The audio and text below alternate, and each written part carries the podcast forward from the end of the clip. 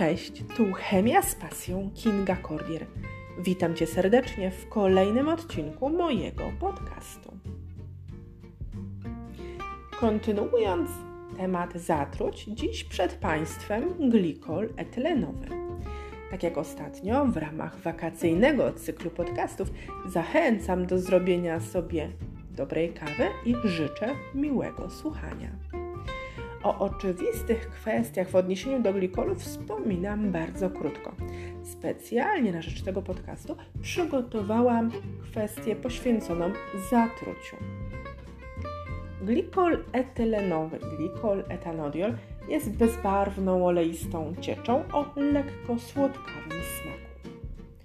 Po raz pierwszy został otrzymany w roku 1859 przez francuskiego chemika Wurza. Glikol etylenowy charakteryzuje się niską lotnością. Gdzie jest stosowany? Głównie w przemyśle jako czynnik obniżający temperaturę zamarzania wody w chłodnicach samochodowych czy układach hamulcowych. Glikol znajduje także zastosowanie w przemyśle farbiarskim, drukarskim czy do produkcji materiałów wybuchowych. Co ciekawe, można znaleźć informację, że glikol etylenowy ze względu na swój słodki smak w Austrii był nielegalnie stosowany, by podwyższyć słodkość win. Podobno smakuje przyjemnie. Glikol etylenowy jest szybko wchłaniany z przewodu pokarmowego. Wątrobie kolejno jest utleniany do aldehydu glikolowego, kwasu glikolowego i kwasu szczawiowego. To, co powiedziałam do tej pory, każdy z nas teoretycznie wie. W tym podcaście chciałam Państwa zainteresować tym, głównie tym, co się dzieje po spożyciu glikolu etylenowego. Po spożyciu glikolu często występuje depresja ośrodka oddechowego i kwasica metaboliczna.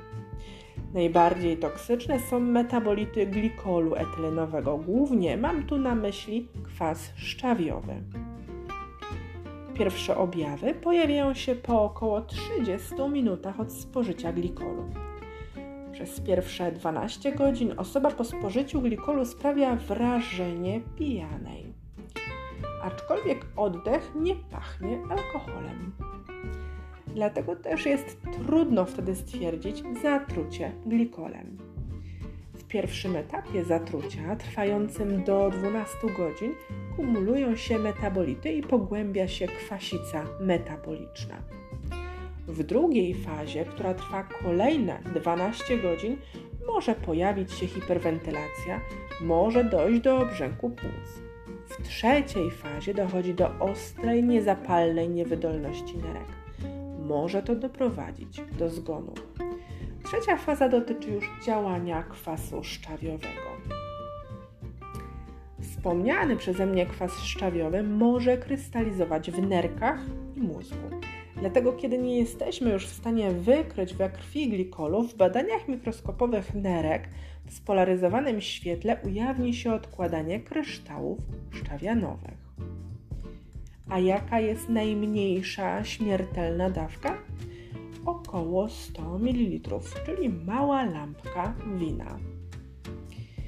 Teraz wypadałoby podać odtrutkę. Tak, istnieje antidotum. Można podać podwójną lub nawet potrójną porcję whisky. Wtedy etanol przyłączy się do enzymu, a glikol zostanie wyeliminowany. Etanol działa tu jak odtrutka. Drugą odtrutką jest fomepizol, wspomniany już przy okazji podcastu o metanolu. Konieczne jest też wyrównanie kwasicy metabolicznej. Uzyskamy to podając wodorowęglan sodu. I na koniec jeszcze mała ciekawostka. Medycyna ratunkowa pod redakcją Juliusza Jakubaszki sugeruje też, by w badaniach laboratoryjnych przy podejrzeniach zatrucia glikolem wykonać badanie moczu na obecność kryształów szczawianu wapnia i fluorescencji w moczu w świetle ultrafioletowym.